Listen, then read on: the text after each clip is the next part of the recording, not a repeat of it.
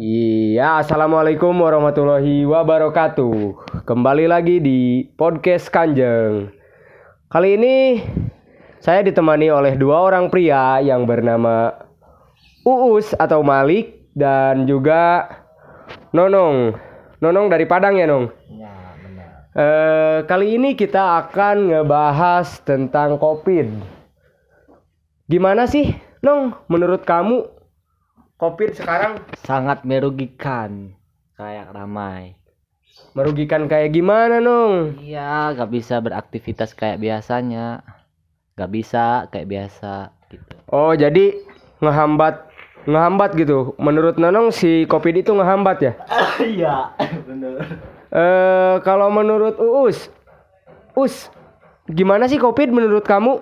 Ya menurut saya COVID bener kayak Nonong tadi menghambat segala aktivitas karena eh, perubahan perubahan yang emang harus kita ikutin gitu kayak misalnya protokol kesehatan dan lain-lainnya jadi eh, segala terbatas eh, dari mulai aktivitas sampai eh, kegiatan sehari-hari yang lain semuanya itu terhambat. Eh, gitu ya. Tapi kan emang sih COVID itu ngehambat.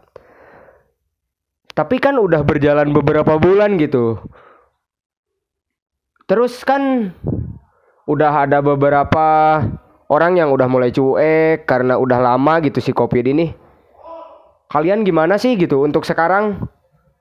Ya kalau untuk sekarang sih saya lebih kayak menjalankan ya udah gitu eh, biasa lagi aja kalau untuk saya pribadi ya biasa lagi aja tapi saya eh, meskipun biasa lagi juga saya tetap ngikutin apa eh, protokol kesehatan yang emang dianjurkan oleh pemerintah kayak ke mana-mana menggunakan masker gitu kalau kita nyampai ke suatu tempat eh, budayakan untuk cuci tangan seperti itu sih Iya.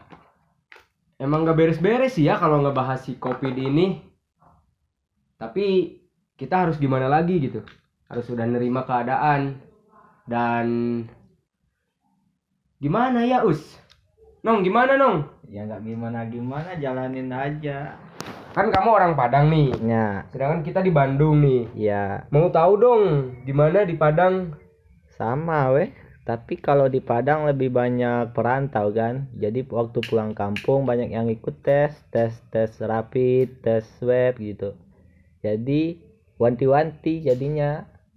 Ada jadi pada orang-orang yang di kampung pada takut gitu. Padahal kan kayak gitu-gitu juga kan. Iya. Heeh. Slow sih kalau Argel mah nonong. Iya sebenarnya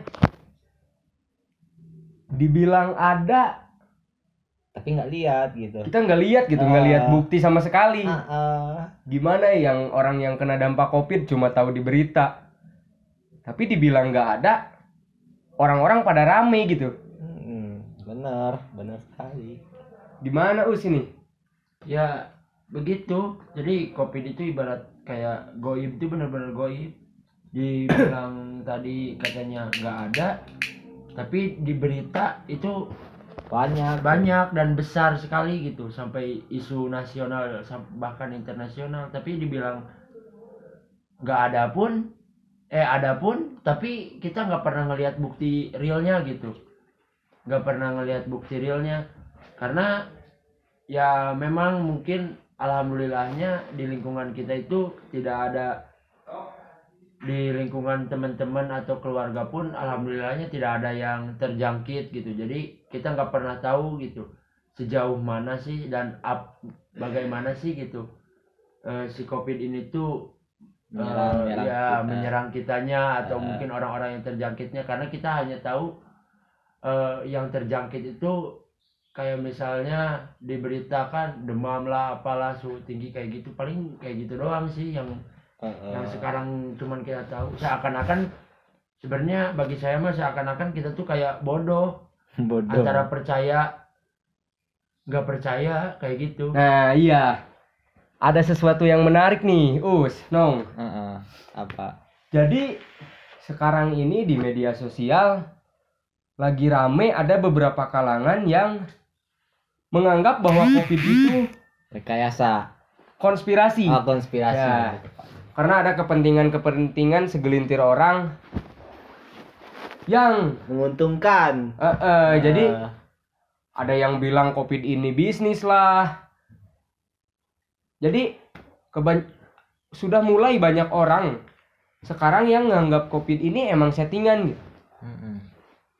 Ya tapi kita nggak percaya konspirasi pun emang bener sih gitu. Si covid ini cuma gencar di media. Tapi kita belum lihat kan gimana gimananya sekarang nyatanya gitu.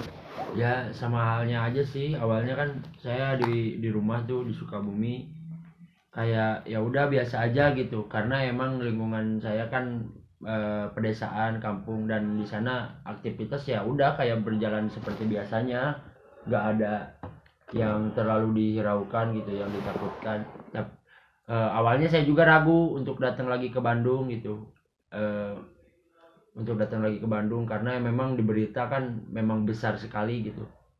Tapi pas saya datang ke Bandung, malah justru saya kaget gitu. Kenapa sih di Bandung malah kayak ya udah sama aja kayak saya di rumah di desa gitu, enjoy enjoy aja. Nah jadi di situ dari situ saya berpikir ini tuh memang permainan eh, para elit yang emang digemborkan itu di media sosial atau emang bener nyata adanya si si Kona ini tuh. Jadi saya juga bingung antara percaya eh, sama emang si covid ini real emang penyakit yang emang besar gitu Eh, dan juga ri- eh, antara real konspirasi orang-orang yang emang yang tadi ngomongin punya bisnis atau segala hal Ya, ya itu salah satu hal yang menarik itu. Jadi ketika saya, eh saya eh, nonong kan kemarin bulan apa itu? Sebulan kan di Baduy, ah, Baksos kan. baksos. Ketika di sana, eh ketika di sana kan ngelihat berita itu mengerikan di Bandung, di Bandung mengerikan. Tapi setelah sebulan dan pulang ke Bandung, Nggak Nyatanya di sini nggak kenapa-napa juga, kan? Aman-aman weh, biasa gitu. Kayak biasa, hidup kayak biasa. Nggak ada corona lah Ya. istilahnya bisa dibilang kayak gitu. Terus emang muncul pertanyaan gitu dari saya. Eh kenapa gitu? Tempat umum udah mulai dibuka, Mm. mal-mal udah dibuka. Bahkan yang demo pun Hmm, banyak ratusan orang kan? kan, ribuan malah. ribuan orang gitu yang demo.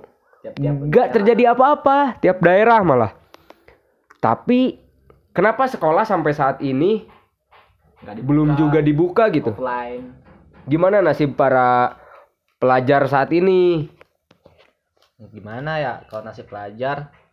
Kebanyakan pelajar-pelajar itu butuh belajar gitu. Kenapa sekolah belum dibuka tapi tempat wisata dibuka gitu. Tempat-tempat keramaian udah dibuka. Misalnya bioskop gitu, mall ada yang dibuka, ya kan? Bioskop udah dibuka ya? Ah, di wilayah Bandung udah dibuka kalau di sini. Terus kalau sekolah belum dibuka, semestinya kan sekolah dulu yang dibuka biar orang-orangnya eh, nambah ilmu pengetahuan gitu, nggak kosong isi kepalanya gitu. Nah, iya. Terus kan kita juga sekarang saat ini masih belajar secara daring gitu kan. Hmm. Dari Padahal kegiatan lain kita udah biasa aja. Udah nongkrong lagi sama temen-temen. Eh sedangkan ya kewajiban kita sebagai mahasiswa yang intinya adalah kuliah. ngerjain tugas. Sementara kuliah sekarang daring. Dan gimana sih perbedaannya gitu? Ya, Menurut kamu Perbedaannya- yang dirasain? ya kurang asik gitu kurang asik yang semestinya kita offline kan tatap muka sama dosen sama teman-teman habis itu pelajaran banyak yang gimana gitu yang banyak bercanda bercanda kuliah misalnya kuliah daring gini oh dosen ngasih pembelajaran gitu ngasih materi kitanya tidur kan karena karena dosennya nggak lihat gitu kan kita jarak jauh. Habis itu apalagi sih? Ya kangen sih kangen itu ketemu sama teman offline bisa bercanda bareng gitu. Kalau lewat daring susah susah gitu. Kalau menurut Uus gimana? Kalau menurut saya sih bener ngehambat banget sih daring bagi saya pribadi gitu ya, terutama saya pribadi. Karena emang ya kita nggak bisa gitu kayak kuliah eh, daring kayak gini tuh bagi saya pribadi nggak bisa banget karena susah untuk menerimanya dan efektivitasnya pun bagi saya emang bener-bener kurang banget.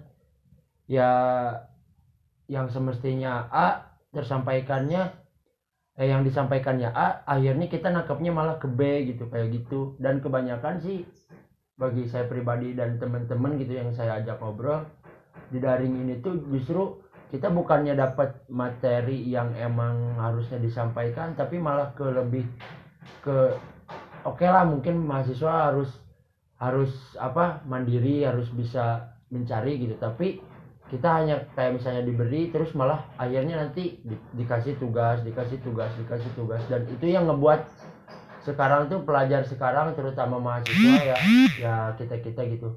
Ngerasa stres kayak gitu tuh kayak gitu. Jadi hanya materi materi materi biasa aja gitu. Tapi nanti ujung-ujungnya tugas tugas tugas kayak gitu sih.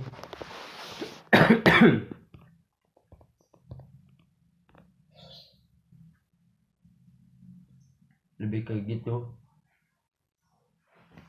Nah, jadi emang bener ya banyak banyak kerugian gitu.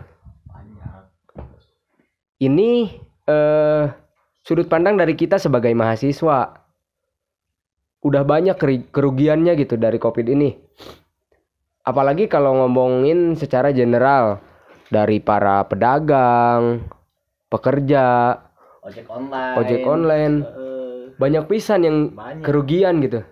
Hmm, semua di PC eh jadi gini ya dari dari obrolan-obrolan kita barusan saya nangkepnya kayak gini.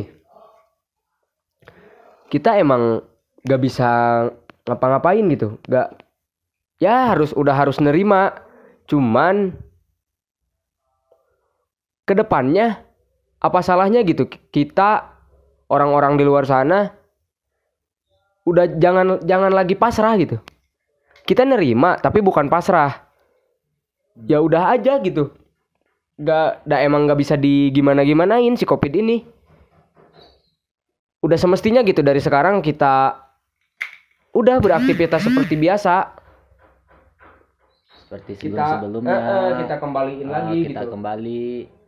Nongkrong, kembali ke hidup biasa. hidup biasa gitu ke siklus kita semestinya harus ngapain? Daripada kita diem terus dan bukannya malah maju gitu. Maju gimana? Majunya gimana? Ya maju. Ya kita harusnya semakin hari semakin membaik gitu semakin progres gitu. Gigit progresif. Sedikit progresif. Iya jangan terus-terusan diam. nerima boleh nerima keadaan kayak gini. Tapi bukan pasrah. Tapi bukan pasrah. Gitu sih. Jalani hayati dan nikmati. Mantap Eh, Argel. Ya mungkin ngobrol-ngobrol kita kali ini sampai di sini dulu. Dan tunggu kelanjutan obrolan kita di Kanjeng Podcast episode 2 waduh terima kasih Nonong terima kasih Terima Uus. kasih. Ya, terima kasih sampai semuanya. jumpa teman-teman semua